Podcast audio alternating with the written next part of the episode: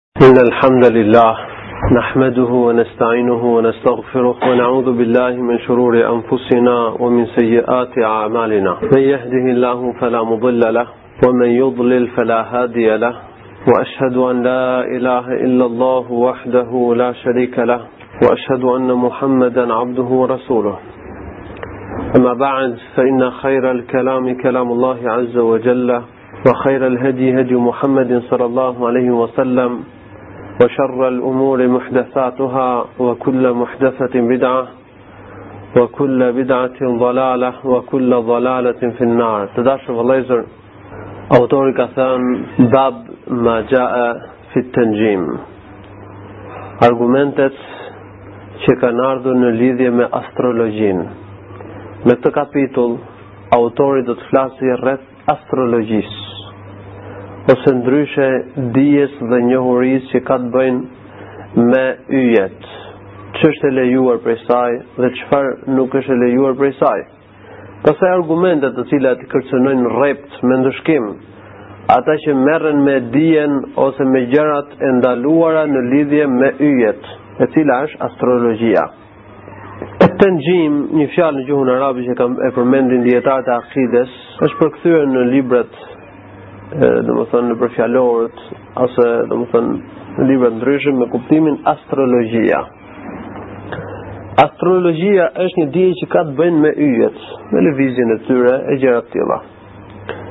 Ibn Taymiyyah rahimahullah në lidhje me përkufizimin e astrologjisë ka thënë Astrologjia është argumentimi me anë të lëvizjeve dhe pozicioneve të yjeve të planeteve për ndodhirat që ndodhin në tokë. Për shembull, domethënë në qoftë se lind thonë në këtë kohë kur hana është në këtë pozicion, në këtë pozicion, ose kur planeti është në këtë pozicion, ose kur dielli është në këtë pozicion, atëherë ka me qenë i suksesshëm i lumtur, ose në qoftë se lind në këtë kohë, ka me qenë i pafatshëm, ka me qenë kështu edhe ashtu.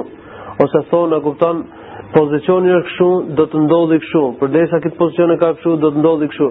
Domethënë, i marrin si argument lëvizjet e yjeve dhe të planeteve, si dhe pozicionet e tyre e vendodhjet e tyre në qiell për ndodhirat që ndodhin ose do të ndodhin në tokë.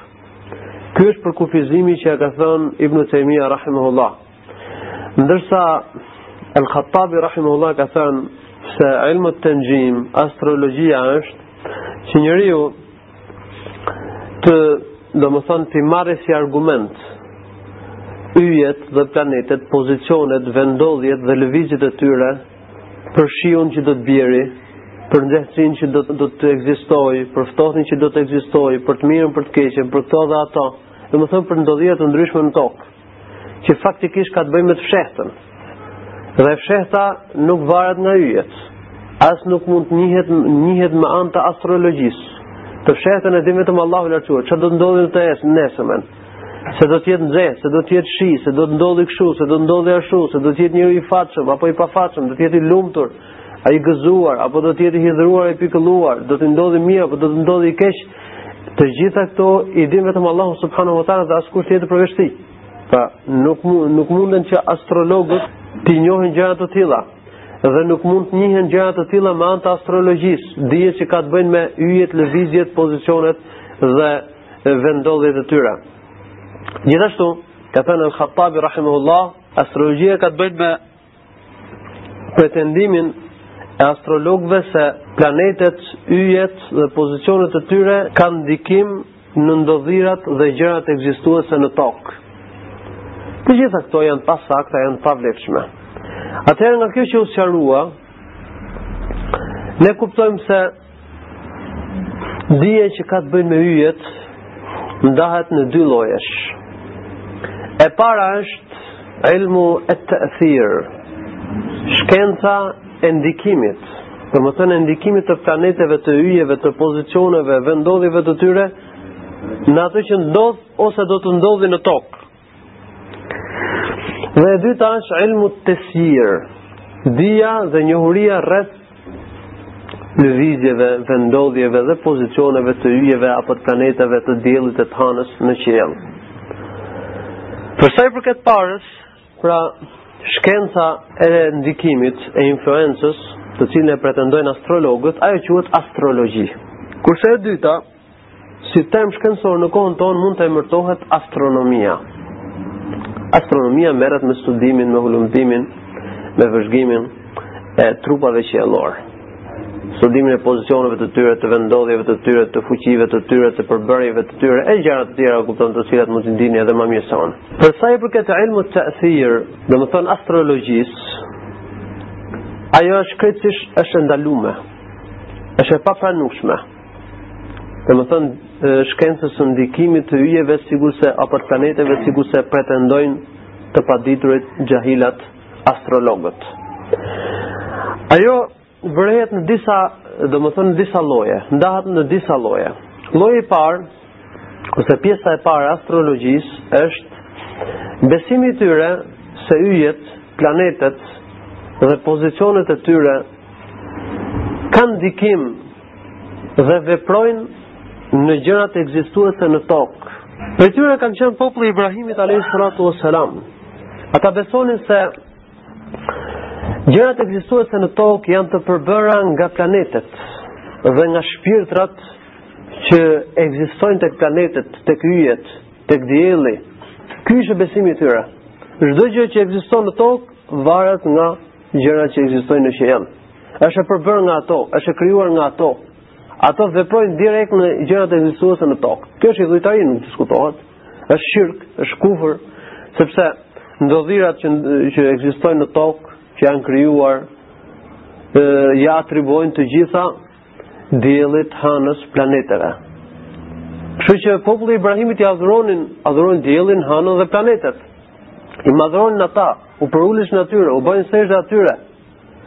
Dhe e, kishin kishin gdhendur skulptura ose idhuj në formën e planeteve siç pretendonin. E i kishin vendosur dhe i adhuronin përveç Allahu subhanahu wa taala. Dhe pretendonin se idhujt e tyre komunikonin me ta, u flisnin atyre dhe u plotësonin nevojat e tyre. Faktikisht, idhujt që kishin vendosur dhe biseda e komunikimi i tyre me ta ose nevojat që ata ua kryenin, lajmet që ua jepnin, nuk kishin të bëjnë fare me me planetet, me yjet, edhe me shejtan, sikurse kemi sqaruar, më falni dhe me, domethënë me shpirtrat që pretendonin se ekzistojnë tek planetet tek yjet, sepse ato nuk kanë shpirt, ato janë krijesa, janë senda, kupton janë trupa qiellorë që i ka krijuar Allahu xhelle shanuhu për funksione të caktume. Por se ishin shejtanët ata që i mashtronin. Shumë prej tyre kanë qenë imagjinata, besëtytni që përhapeshin ndërmjet njerëzve, siç përhapen edhe në kohën tonë, që ka fol, është fol ke fulan idhull, ka gjetë dermon fulani, është bërë kështu, ndodh kështu, ndodh ashtu, siç pretendojnë njerëzit ke venet e mira, siç i quajnë, ose tek gurët, tek drurët e kështu me radhë. Por se ka prej tyre që mund të jenë gjëra të sakta, si ndodh një gjë e tillë, vjen shejtani dhe flet nëpërmjet idhullit ose statujës ose gurit ose pemës. U flet atyre, i lajmëron për diçka. Dhe ata mendojnë se vërtet paska vlerë, meritoka t'u adhuroka dhe kështu me radhë, ndërkohë që ky është mashtrimi i shejtanit dhe asgjë tjetër më shumë se kaq. Rëndësishme besimi në ndikimin e yjeve Se yjet kanë krijuar gjërat në tokë, se ndodhirat në tokë, gjërat ekzistuese në tokë varet për bërjen e tyre nga yjet, ka qenë besimi idhujtar i popullit As-Sabi'a në të cilët është dërguar Ibrahimi alayhi salatu wasalam për t'i ftuar që të adhurojnë një Zot të vetëm dhe askënd tjetër përveç tij subhanahu wa ta'ala. Pra lloji i parë është besimi se yjet dhe shpirtrat e tyre ruhanijat sikurse i quajnë, kanë ndikim në gjërat ekzistuese në tokë. Kjo është kufër i madh që nxjerr nga feja islame. Lloji i dytë ose pjesa e dytë e astrologjisë është besimi se yjet, planetet dhe pozicionet e tyre janë shkak për njohjen e ndodhirave që ndodhin dhe do të ndodhin në tokë. Për shembull, pozicionet e hanës, ata përcaktojnë lumturinë e këtij dhe pafatësinë e tjetrit ose domethënë në qoftë se njëri lind sipas tyre lindja e tij përkon me lindjen e një ylli fulan ylli për shembull ose x ylli thonë që do të jetë i fatshëm ose do të jetë i pafatshëm ose thonë me fjalë që ka me rënë shi, ka me qenë nxehtë, ka me qenë kështu, ka me qenë ashtu, të gjitha këto argumentohen për gjëra të tilla me anë të yjeve. Kjo sigurisht s'është e vërtetë, edhe sikur të thonë se do të ndodhi me lejen e Allahut, do ndodhi me caktimin e Allahut, kjo ka të bëjë me të fshehtën. Dhe yjet e planetet, vendosjet dhe pozicionet e tyre nuk kanë të bëjnë aspak me atë që do të ndodhi në tokë. Edhe sikur ata të besojnë se këto janë shkak, thjesht një shkak për të njohur ato që do ndodhin në tokë. Ato nuk janë shkak për të për të njohur se pafatësinë e fulanit apo lumturinë e tjetrit, se do t'i ndodhi mirë, do t'i ndodhi keq, do të jetë i suksesshëm në jetë apo nuk do të jetë i suksesshëm. Ka me rënë shi apo nuk do të bjerë shi. Pra yjet e planetet nuk kanë asnjë farë lidhje me gjëra të tilla. Kështu që ai që beson Gjëra të tilla ai pretendon të fshehtën ose u atribuon dijen e fshehtë të tjerëve përveç Allahut të lartësuar, ky bën kufër dhe del nga feja islame. Kjo është e ndaluar rreptësisht. Sepse të fshehtën e din vetëm Allahu i lartësuar dhe askush tjetër përveç tij.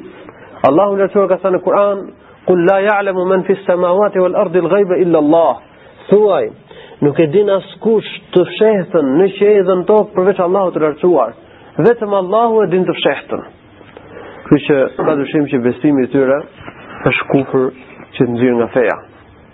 Pjesa e tretë është besimi i tyre se shiu për shembull ose kjo gjë në tokë ka ndodhur si shkak e domethënë këtij pozicioni të hanës ose e këtij ylli e kështu me radhë duke besuar që Çdo gjë është bërë me lejen e Allahut, është bërë me fuqinë e Allahut dhe varet nga dëshira e Allahut, por thjesht e konsiderojnë yllin ose pozicionin e hanës ose trupat qiellor i konsiderojnë shkak për gjërat që kanë ndodhur dhe jo për ato që do të ndodhin. Kjo është shirk i vogël. Për arsye se kanë bërë shkak atë që nuk është shkak. As nga ana e natyrshme, as shkak prej shkaqeve që Allahu i Lartësuar i ka bërë shkak që prej tyre rrjedhin pasojat e natyrshme dhe nuk është as shkak fetar. Kështu që ai që sjell një shkak ose beson një shkak i cili nuk është shkak as nga ana fetare dhe as nga ana e kaderit, domethënë nuk është as shkak i natyrshëm që të rrjedhi prej tij ndonjë pasojë e natyrshme, si për shembull, sikurse kemi sqaruar edhe më parë në disa mësime të kaluara, dimë që në mënyrë të natyrshme Zjarri është shkak për djegje, ushqimi është shkak për ngopje, por pozicionet e hanës nuk kanë asnjë farë lidhje me shiun që bie në tokë. Pozicionet dhe lëvizjet e yjeve nuk kanë dhe vendodhjet e tyre nuk kanë asnjë farë lidhje me shiun që bie në tokë apo me suksesin apo me këto e me ato gjëra të tilla, kupton, të cilat kanë ndodhur në tokë. Kështu që ë besimi se këto janë shkak është shirk i vogël. Ndryshimi ndërmjet këtij rasti dhe rastit të parë që e përmendëm është se në rastin e parë njeriu beson se yjet vetë veprojnë.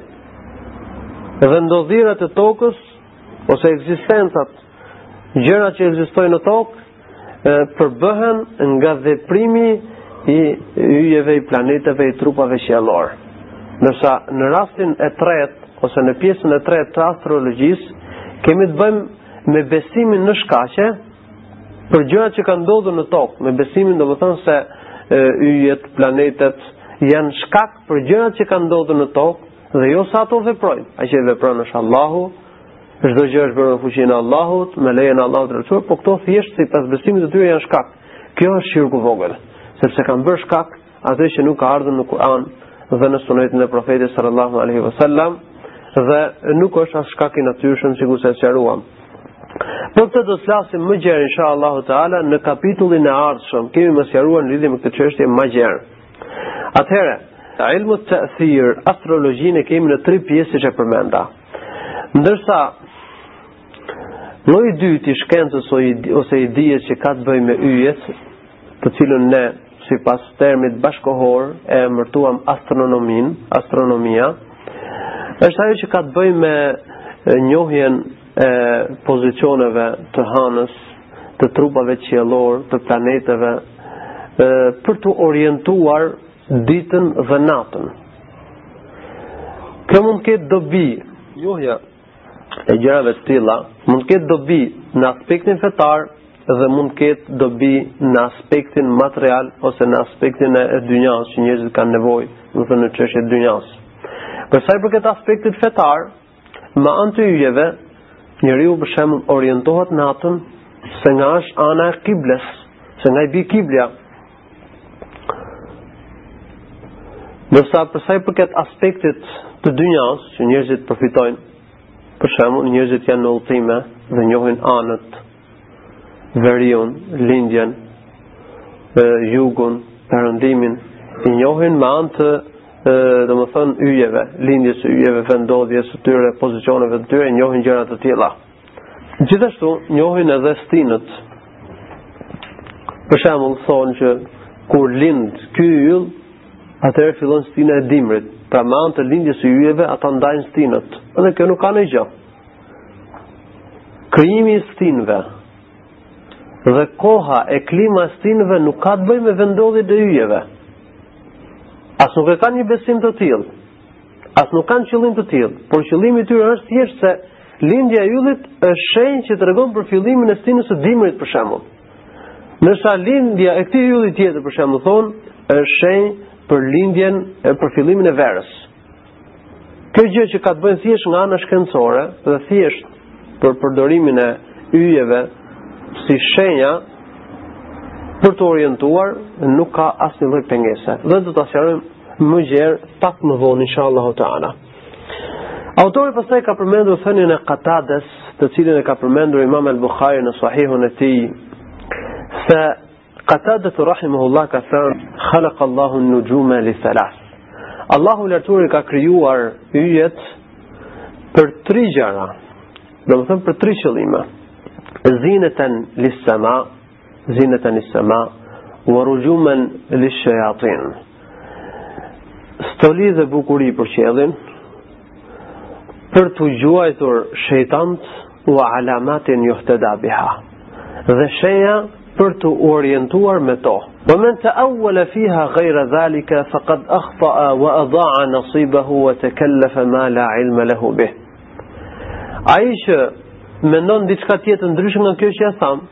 Pra ndryshe nga tri gjërat që ne i përmendëm, tri gjërat që i përmendëm janë stoli për qiellin, për t'u gjuajtur shejtanët që tentojnë të vjedhin apo të grabisin të fshehtë nga melajket, dhe e treta shenja me të cilat orientohet udhëtari apo njeriu në tokë. Ai që pretendon ose supozon diçka tjetër nga yjet, ai ka gabuar ka thënë dhe ka vepruar atë që përbën humbje për të në këtë dynja dhe në botën e përtejme Zoti na ruajt dhe është marrë me diçka që nuk ka dije për të këtë e ka thënë Katade rahimahullah këtë thënie sikurse përmenda e ka përmendur imam el Buhari në sahihun e tij në libra të tjera në disa libra të tjera të transmitimit të gjurmëve të të parëve tanë ka ardhë se Katade rahimahullah e ka lidhur domethënë pasi ka përmendur tri qëllime për të cilat Allahu i ka krijuar yjet ka përmendur atë që e veprojnë apo e thonë astrologët të cilët pretendojnë të fshehtën me anë të yjeve për shembull ka thënë Katade rahimullah Thonë, kush martohet ose bashkohet me gruan e tij, kur lind ky yll apo ai yll, do të jetë kështu edhe kështu.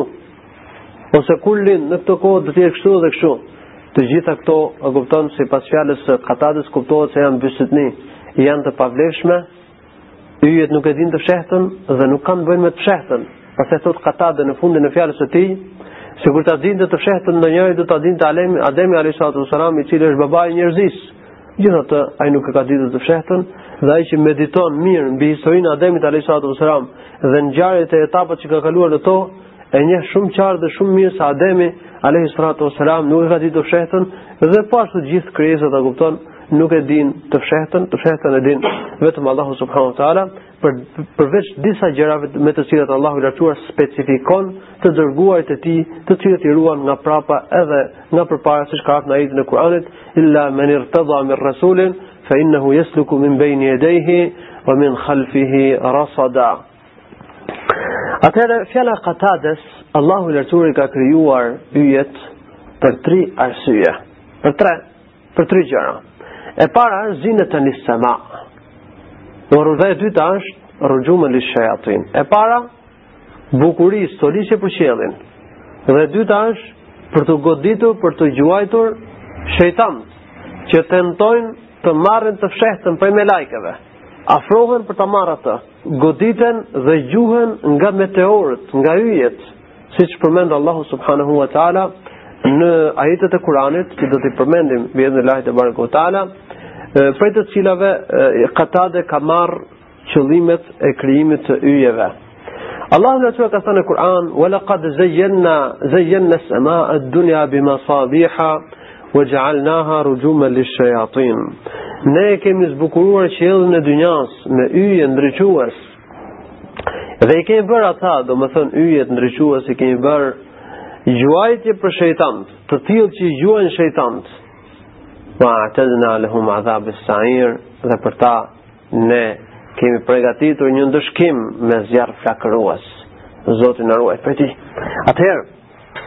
Në këtë ajet Allahu i lartësuar ka përmendur dy arsye të krijimit të qiejve, të krijimit të yjeve. Arsyeja e parë është stoli dhe bukuri për qiellin. Dhe e dyta është për të gjuajtur shejtanët. Fjala e Allahut të lartësuar në këtë ajet të Kuranit, zinetën lis-sema, stoli dhe bukuri për qiellin, për që sema, domethënë këtu është përmendur qielli i dynjas, qielli më i afërt. Kjo tregon se yjet, galaktikat, Të gjitha trupat qiellorë në të cilët vëzhgohet, studiohet sot në kohën tonë, të gjithë janë nën qiellin e dynjas. Njerëzit nuk dinë akoma asgjë rreth qiellit të dynjas, përveç asaj që është përmendur në Kur'an dhe Sunetin e Muhamedit sallallahu alaihi wasallam. Aq më tepër për qiejt që janë mbi qiellin e dynjas. Të gjitha krijesat të cilat a kupton bëhen studime, bëhen hulumtime, bëhen llogari e gjëra të tilla kanë të bëjnë me krijesa të cilat janë nën qiellin e dynjas, siç tregon ky ajet i Kuranit, sepse yjet janë nën qiellin e dynjas, e një prej qëllimeve të krijimit të tyre është që të jenë bukuri e stoli për qiellin e dynjas. E dyta që përmendëm, arsyeja e dytë është për të gjuajtur shejtanët dhe për këtë ne kemi sqaruar më parë. Profeti sallallahu alaihi wasallam ka thënë sikur se ka ardhur në një hadith nga Abdullah ibn Mas'ud radhiyallahu anh, "Amma as-samaa ad-dunya fa inna Allah khalaqaha min dukhan." Për sa i përket qiellit të dynjas, Allahu i lartësuar e krijoi prej tymit, prej gazi me një fjalë.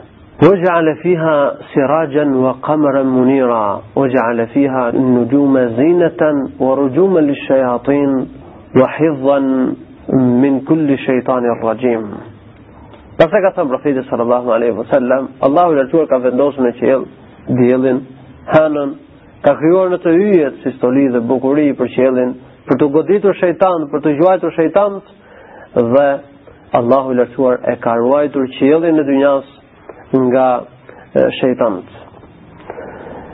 Faktikisht ky transmetim ka ardhur, domethënë sikur se ka përmendur komentuesi shpjeguesi i librit Kitabut Tauhid Sulejman ibn Abdullah ibn Muhammad ibn Abdul Wahhab Ka përmendur se këtë hadith e ka transmetuar Merdawai por nuk kanë gjetur gjykim për këtë hadith, është i saktë apo është i dobët. Zoti e din se është i saktë apo është i dobët. Fjala e tij pastaj wa alamatin domethënë, fjala e tij që janë edhe shenja, yjet janë shenja me të cilat njerëzit orientohen. Orientohen në udhëtimet e tyre, në det apo në tokë, orientohen kur janë natën, orientohen për kiblen, orientohen për gjëra të ndryshme. Ky është qëllimi i tretë i krijimit të yjeve. Allahu i lartësuar ka thënë në Kur'an: "Wa huwa alladhi ja'ala lakum an-nujuma litahtadu biha fi dhulumati al-barri wal-bahr." Allahu i lartësuar është ai i cili ka krijuar për ju yjet që të orientoheni me anë të tyre Në tokë dhe në det.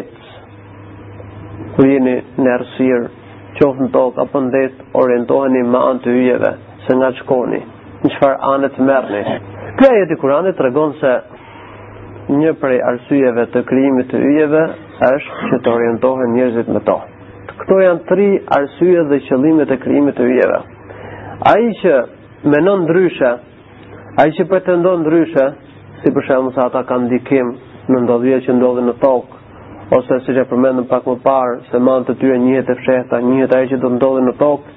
Ai ka thënë atë që nuk ka për të dije. Ai ka gabuar rëndë, sipas fjalës që ka thënë Qatada rahimahullahu taala. Dhe ai ka bërë që ta humbasi pjesën e tij, domethënë atë që është e dobishme për të në këtë dynja. Sepse është marrë me diçka që është e dëmshme, është marrë me diçka që nuk ka hajër për të. Zoti na ruajt. Një prej dietarëve që quhet Ad-Daudi ka thënë, fjala e Qatades është e saktë, por është e pamjaftueshme. Do të ishte më e plotë që thoshe, thuhej jo vetëm që kanë humbur pjesën e tyre në këtë dynja dhe kanë gabuar, por ata janë bërë kafira me këtë veprim.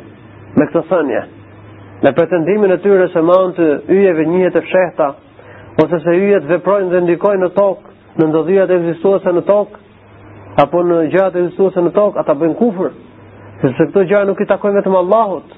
Këto nuk i ka vetëm Allahu i lartësuar.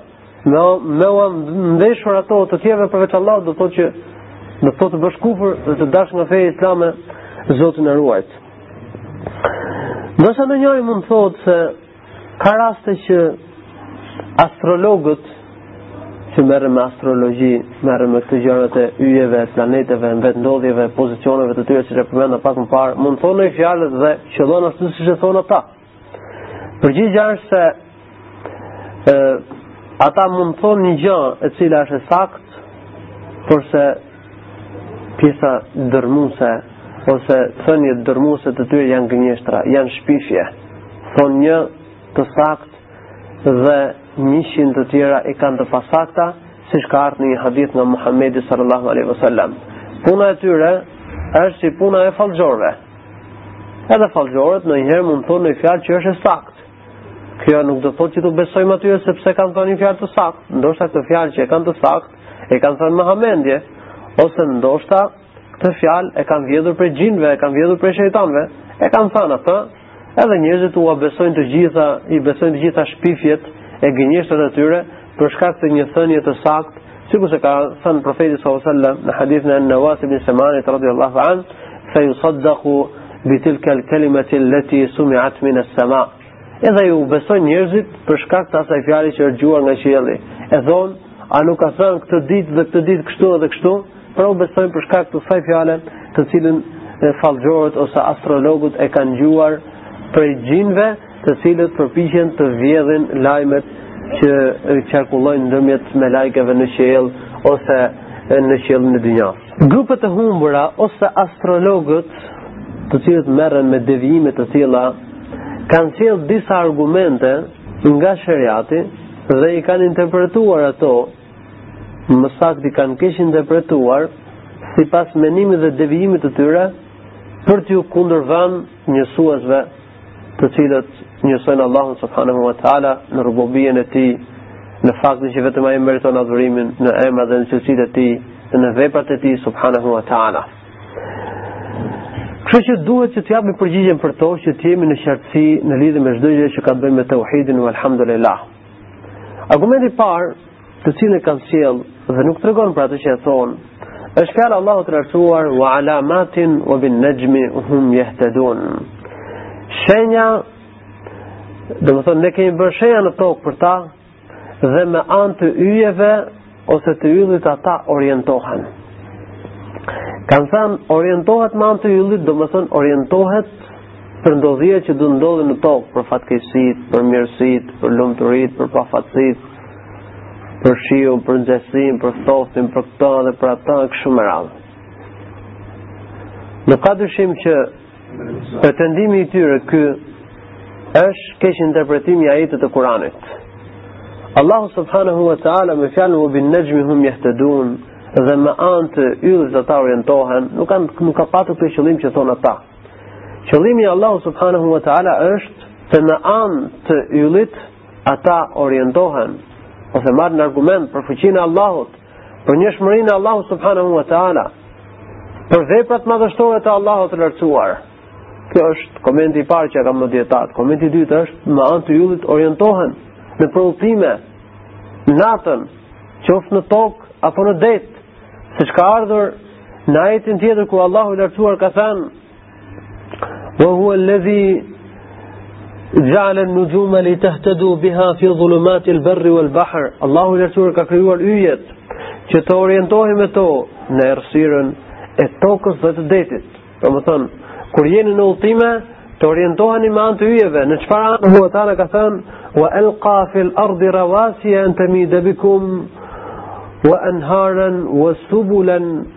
La'allahum yahtadun wa alamatin wa bin najmi hum yahtadun. Allahu subhanahu wa taala ka thënë Allahu i lartësuar ka vendosur në tokë male të ngulitura fort, të cilat e stabilizojnë dhe e bëjnë të qëndrueshme tokën. Në mënyrë që mos të dridhet me ata që i ka mbi ta. Dhe ka vendosur në tokë, ka bërë, ka krijuar në tokë lumej dhe rrugë, rrugë me të cilat orientohen, wa alamatin dhe shenja, shenja të ndryshme në tokë, malet, kodrinat, luginat, me të cilat njerëzit orientohen. Një mendim i dijetarëve se me këto shenja njerëzit orientohen ditën. Wa bin najmi hum yahtadun, dhe me anë të yjeve ata orientohen, kanë thënë, domethënë, orientohen natën, se natën nuk vërehen këto kodrinat, malësia e tyre, luginat, por se vërehen yjet, atëherë me anë të yjeve orientohen se nga të drejtohen, nga të shkojnë. Kurse Abdullah ibn Abbas radhiyallahu anhu thot, orientohen me anë të yjeve në det. Çfarë anë të marrin, nga të drejtohen natën. Pra ky është komenti i ajetit. Ky është komenti i transmetuar nga selefët e ummetit. Ndërsa ajo që kanë përmendur astrologët e yjetarët nuk ka Të bëjë fare me kuptimin e ajetit të Kuranit. Dhe argumenti i qartë për këtë është fakti që asnjë nga selefët e këtij ummeti nuk i ka vajtur mendja që ta komentojnë ajetin e Kur'anit, kështu sikur se pretendojnë ata. Si mundet që të jetë ky koment i saktë kur në shumë hadithe nga Muhamedi sallallahu alaihi wasallam astrologjia është hedhur poshtë? Është vlerësuar, Dhe është kërkuar prej njerëzve që të largohen prej saj. Prej haditheve që e kanë hedhur poshtë astrologjinë, është hadithi që ka transmetuar Abdullah ibn Abbas se Muhamedi sallallahu alaihi wasallam ka thënë: "Men iqtabasa shu'batan min an-nujum faqad iqtabasa shu'batan min as-sihr zada ma zad." Kush mëson diçka prej ose një degë prej degëve të astrologjisë, ai ka mësuar një degë prej degëve të magjisë. Sa më shumë që të shtojë prej astrologjisë, aq më shumë shton prej magjisë dhe si rrjedhojë shtohet gjynahi, se ai është haram. Magjia është haram, ai që merret e mëson magjinë është gjynahqar, kështu që atij i shtohet gjynahu Zoti na ruajt. Këtë hadith e ka transmetuar Abu Daudi dhe hadithi është hasen, është i mirë. Pra në këtë hadith, profeti sallallahu alaihi wasallam e ka hedhur poshtë astrologjinë, e ka konsideruar atë prej magjisë, magjia është haram, dhe ne kemi sqaruar kur kemi përmendur llojet e magjisë, kur kemi përmendur përkufizimin e magjisë, kemi përmendur që magjia ka të bëjë me diçka të fshehtë, me shkaqe të hollësishme të fshehta dhe ka të bëjë me shkathtësinë në veprimin e magjistarit. Ai që merret me yjet, ai që merret me astrologjinë sikurse e sqaruam, ai pretendon se këto shkaqe të fshehta e nimojnë atë ose i tregojnë atij të fshehtën. Pra nga ky aspekt profeti sallallahu alaihi wasallam e ka konsideruar ë, astrologjinë prej magjisë. Përderisa ajo është prej magjisë, ajo është haram, është e përjashtuar, është e pasaktë, është e ndaluar që njeriu të merret me ta. Gjithashtu ka dhe hadithe tjera të cilat tregojnë për këtë. Prej tyre është fjala e profetit sallallahu alaihi wasallam, të cilën e ka transmetuar Abdullah ibn Muhajriz. Është transmetuar se Sulejman ibn Abdul Malik i ka thënë këtij personi prej tabiinëve që quhet Abdullah ibn Muhayriz, i ka thënë sikur mësoja astrologjinë do të shtohej dija ma shumë. Në dijen që ke të shtoje edhe astrologjinë. Ai tha,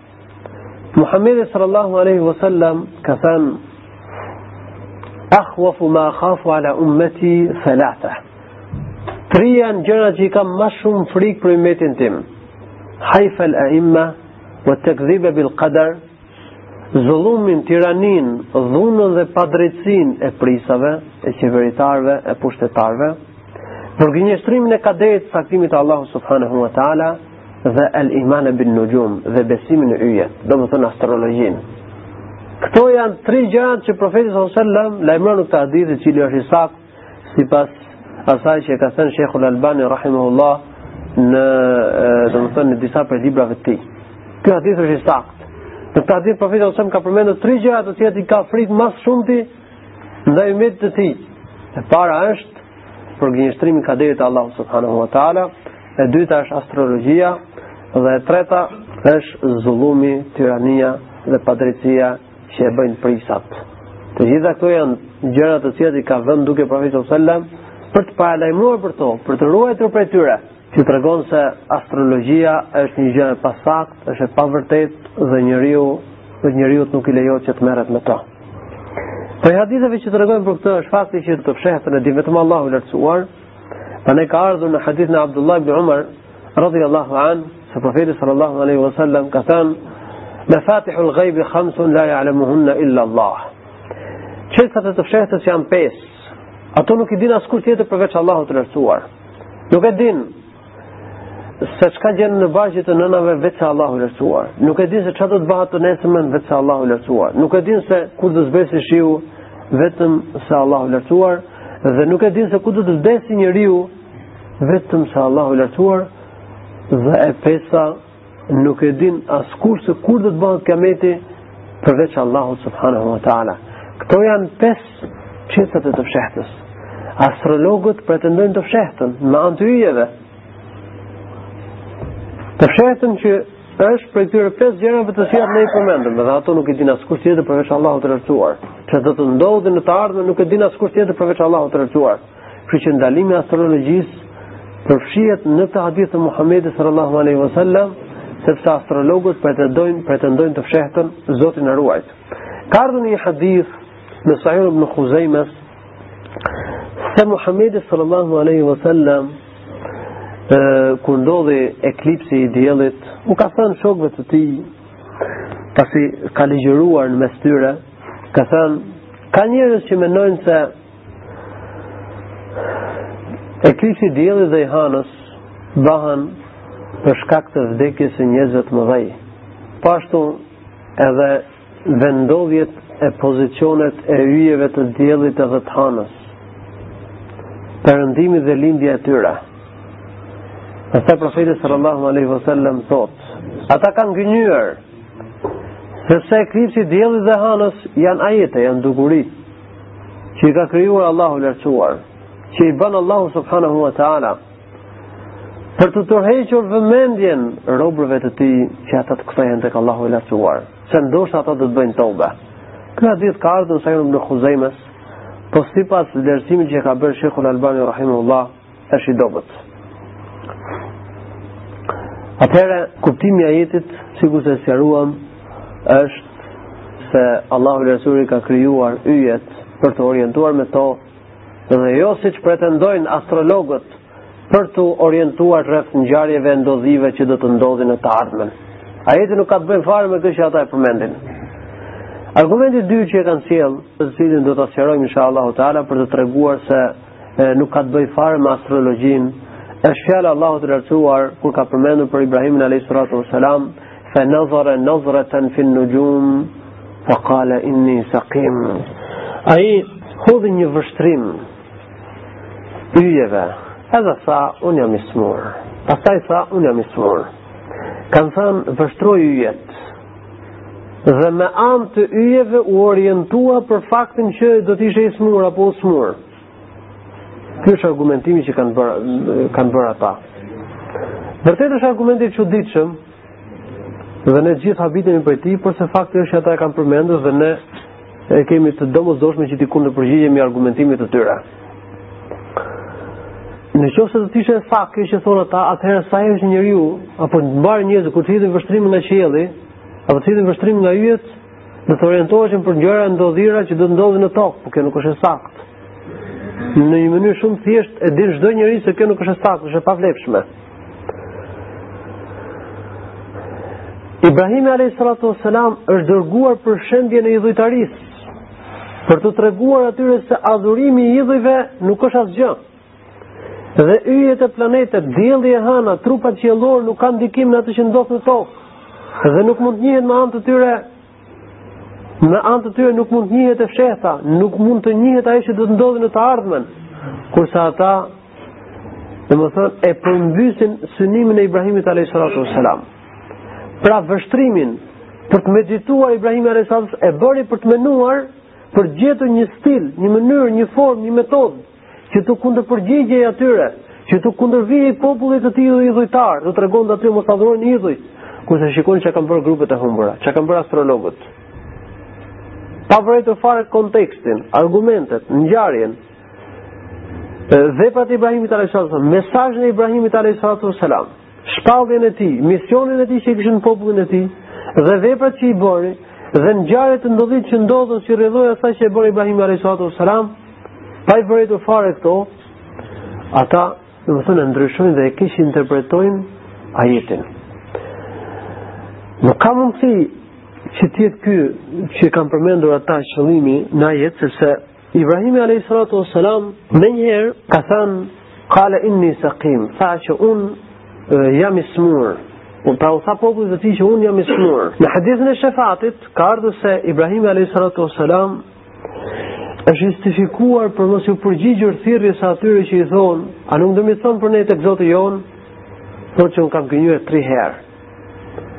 Pra kjo tregon në mënyrë të qartë se Ibrahimi alayhi salatu wassalam fjalën e tij që un jam i smur, nuk e ka marrë prej yjeve, as nuk e ka njohur me anë të yllit.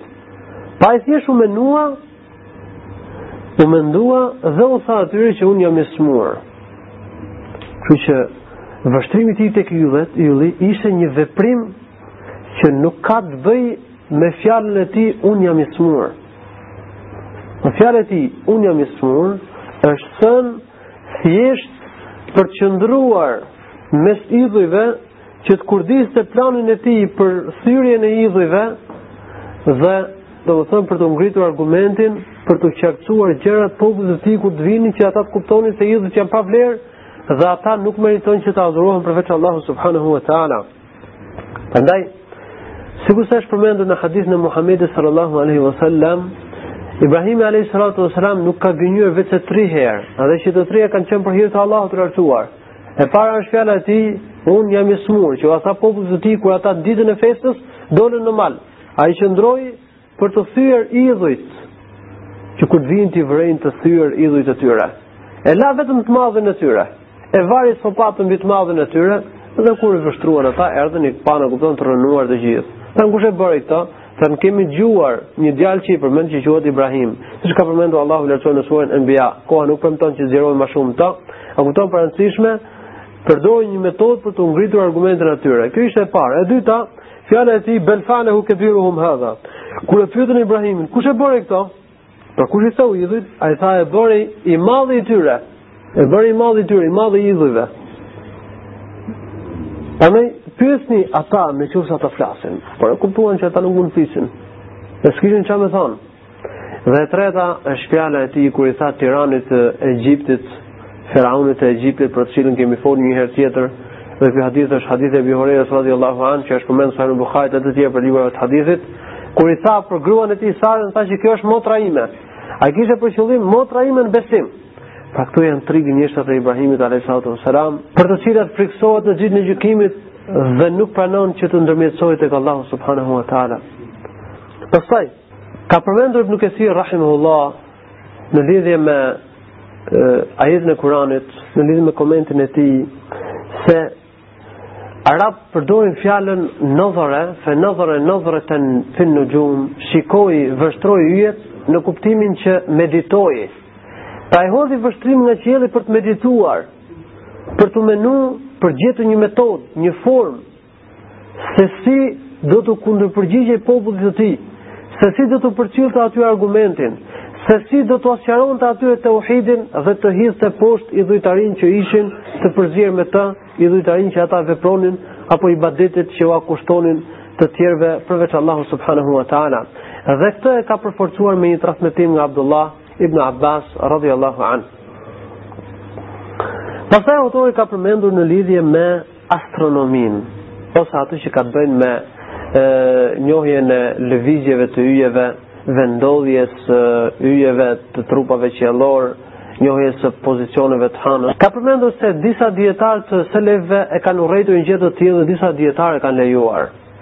Prej dijetarëve që e kanë urrejtur sipas autorit është Sufjan ibn Ujejna Është edhe Katade, siç transmeton nga ata Harb ibn Ismail, i cili ka qenë prej shokëve ose prej nxënsave të Imam Ahmed ibn Hanbelit rahimahullah. Ndërsa Imam Is'hak ibn Rahavej dhe Ahmed ibn Hanbel kanë thënë që kjo punë është e lejushme dhe nuk ka naj gja. Njohja e pozicioneve të hanës ose e pozicioneve dhe vendodhjeve të planeteve të trupave qiellorë dhe yjeve për të për t'u orientuar me to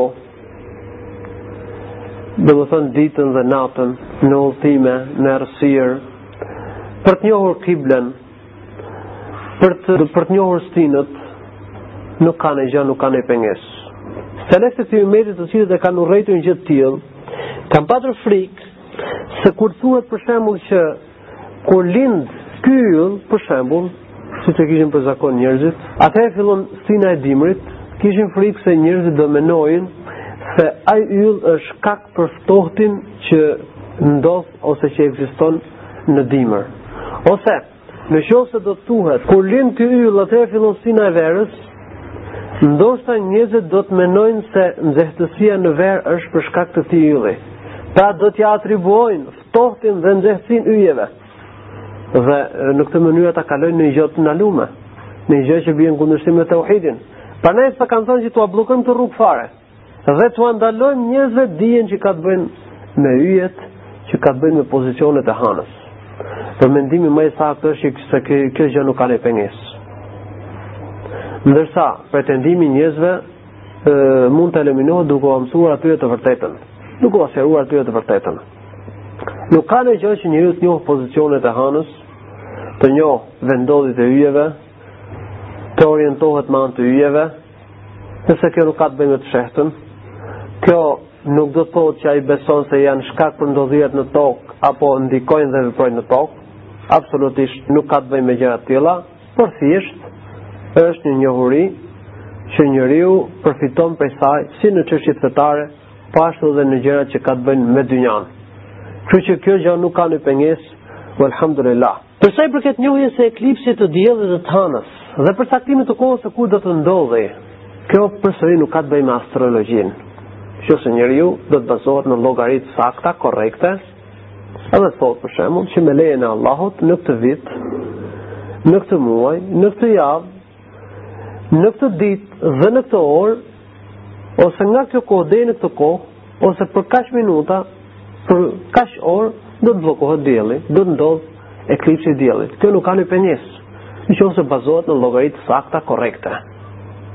Këtë e ka thënë Ibnul Kajjim, rahimahullahu Teala. Edhe nga kjo mund të diskutojmë edhe në lidhje me shiun. Përcaktimi i shiut, lëvizjes së erave, reve e gjëra të tilla, kupton që ka të bëjnë me me motin, me klimën, me nxehtësinë, me ftohtin, me temperaturën. Në qoftë se njeriu bazohet në shkaqe të natyrshme, të arsyeshme dhe në llogaritje të sakta, duke besuar se çdo gjë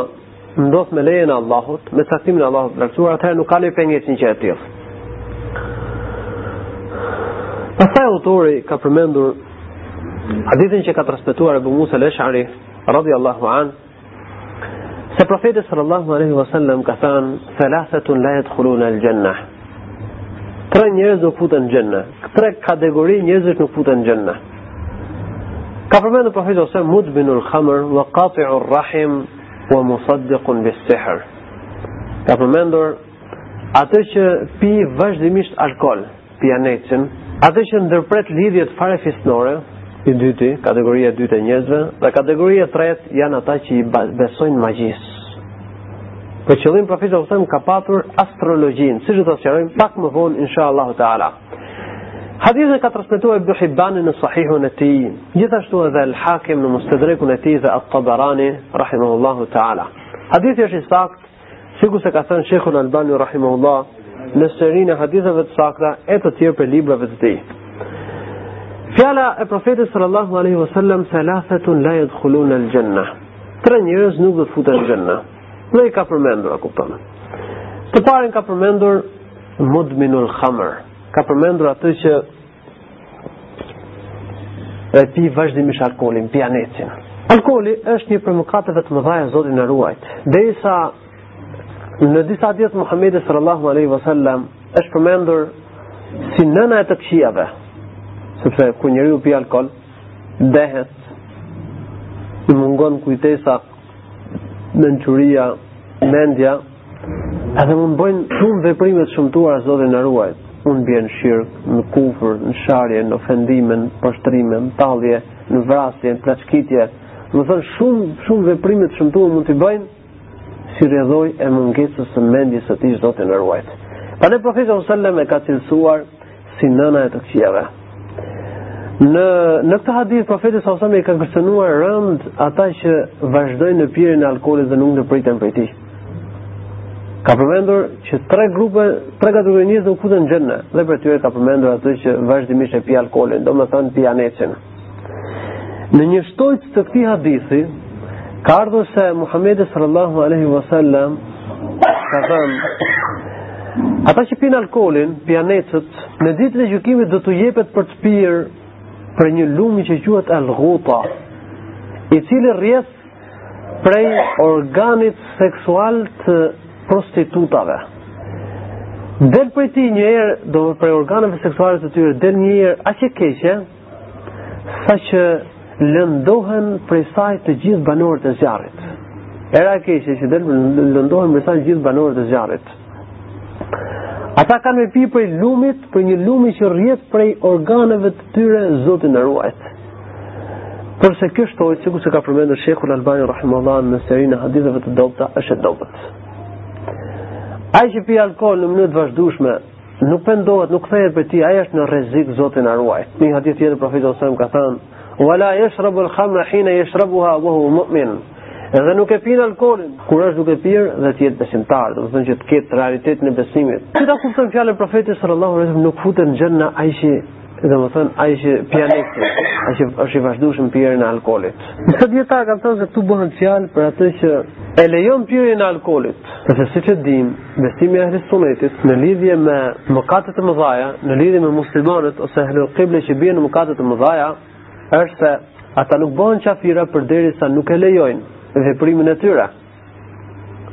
Porse në ditën e gjykimit janë nën dëshirën e Allahut. Në qoftë se dëshiron Allahu i ndëshkon edhe në qoftë se dëshiron ua fal gjynahin.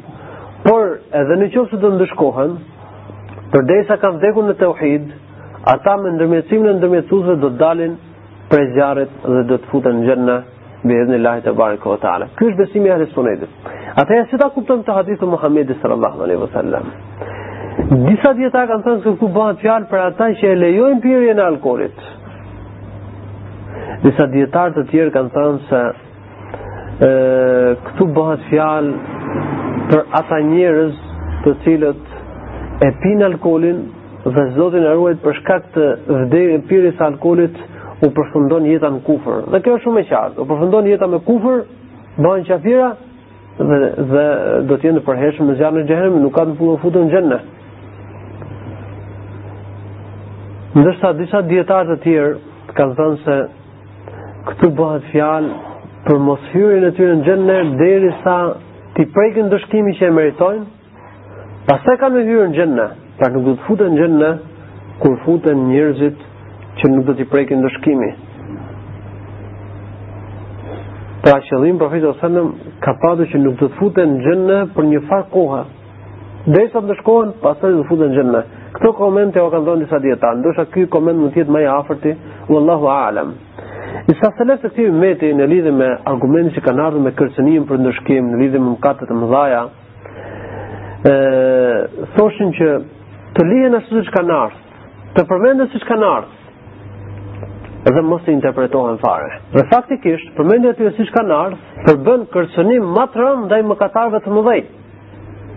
Prandaj, është e arsyeshme që të përmenden argumentet që kanë ardhur në lidhje me mëkatet e mëdhaja, Ashtu siç kanë ardhur, dhe të përmendet kërcënimi ashtu siç kanë ardhur. Profeti ka përmendur në hadith thuhet për shembull, që tri kategori njerëzish nuk futen në xhennet. Edhe i përmend me radhë. Nuk është detyrë për ty që të përmendësh interpretimin e tyre. Por në qoftë se do të thellohesh gjerë në çështjet e besimit, apo do të vijë puna për t'i falur xhenazen një pijaneci që ka vdekur në alkool, atëherë, a kupton, diskutohet çështja, trajtohet më gjerë Dhe, për shembull, imami apo ndonjë prijës apo një njeri i lartë, nuk shkon të falë xhenazen, po shkon një grup muslimanësh që ia fal xhenazen për sa për arsye se ka qenë prej ehlul kible, ka qenë prej njerëzve që ka deklaruar Islamin. Porse ka qenë i përzier me këtë mëkat të madh, kështu që ai konsiderohet prej muslimanëve, i falet namazi i xhenazes, sikurse është besimi i ehli sunetit, të cilin e kemi sqaruar dhe e përmendëm edhe pak më parë. Pastaj ka thënë wa qati'ur rahim. Kategoria e dytë e njerëzve, të cilët janë kërcënuar me privimin nga hyrja në xhennet, siç e sqaruam për një farë kohe, në qoftë se ka qenë musliman dhe ka vdekur në tauhid, ndërsa në qoftë se vdes në vdes në kufër privohet krejtësisht nga hyrja në xhennet, Zoti na ruajt. Pra kategoria e dytë Është ai që i ndërpret lidhjet farefisnore. Farefisnia ka të drejta. Ne kemi detyrime ndaj farefisit tonë. T'i vizitojmë ata, t'i përkrahim, t'i ndihmojmë. Si konceptohet lidhja farefisnore? Ose silatur rahim që quhet në gjuhën arabe. Ajo konceptohet me vizitimin e tyre, me ndihmimin e tyre, me përkrahjen e tyre. Përsa i përket numrit të vizitave, përkrahjes ndihmesës që u duhet dhënë atyre, kjo për përcaktimin e saj do t'i kthehemi traditës, zakonit të vendit. Për arsye se ajo gjë që nuk është përcaktuar në shariat, në librin e Allahut dhe në Sunetin e Muhamedit sallallahu alajhi wasallam, përcaktohet duke iu referuar traditës. Për shembull, sa është tradita për vizitimin e vëllait? Sa është tradita zakoni i vendit për vizitimin e xhaxhait, për vizitimin e hallës, e tezës? Kështu vizitohen ata. Gjithashtu, për mënyrën se si vizitohen apo atë që e nënkupton dhe e përmban silatur rahim lidhja farefisnore gjithashtu i kthehemi traditës për shembull kur është i varfër atëherë me i dhënë nga pasuria pra nuk e përmbush njeriu vizitimin e farefisit ose detyrimin që e ka ndaj farefisnisë veçse duke e ndihmuar duke i dhënë nga pasuria e në qoftë se është i pasur Atëherë, a kupton vizitimi e gjëra të tjera, a kupton që ka të bëjë me lidhjen farefisnore. Pastaj, për sa i përket përcaktimit të farefisit, se kush konsiderohet prej farefisit dhe kush nuk konsiderohet prej tyre, do të kemi parasysh që ka prej tyre që janë të afërm, ka prej tyre që janë shumë të afërm dhe ka prej tyre që janë të largët. Më i afërmi i farefisnisë janë janë prindërit. Ndaj tyre kemi detyrim më të madh. Pastaj vijnë tjerët a kupton me radhë. Ka farefisni më të afërt dhe ka farefisni që janë të largët.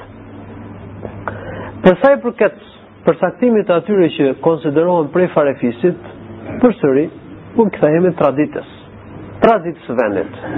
Kë vizitojnë njerëzit që e konsiderojnë prej farefisnisë, e shkojnë e vijnë me ta, e nimojnë, a kupton? Ky konsiderohet prej farefisnisë.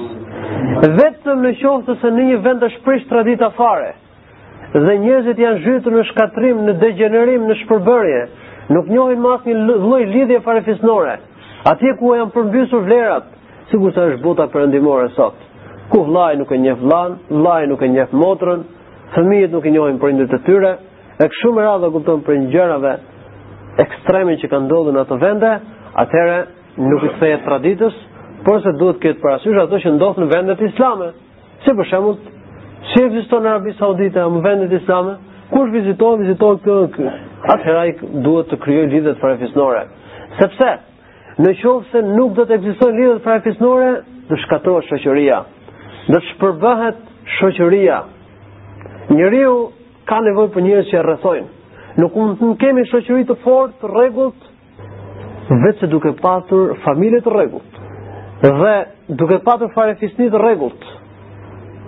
Njerëzit kanë nevojë që të ndihmojnë njëri tjetrin, të përkrahin njëri tjetrin. Në qoftë se këto grupime, familja, farefisnia, pastaj shoqëria nuk do të ekzistojnë, atëherë shoqëria njerëzore shkatërrohet. Qafirat me anë të shkatërrimit të familjes, Me anë të shkatërrimit të lidhjeve farefisnore kanë patur për qëllim që shkatërrojnë shoqërinë njerëzore, që ta shfrytëzojnë atë në interesat e tyre. Ndërsa ne muslimanët jemi kundër asaj që e bëjnë qafirat. Ne e konsiderojmë shkëputjen e lidhjeve farefisnore shkatërrim në tokë. Dhe përmendëm kërcënimet dhe ndëshkimet e rënda që kanë ardhur në Kur'an dhe në hadithin e Muhamedit alejhi selam në lidhje me ata që i shkëpusin lidhjet farefisnore.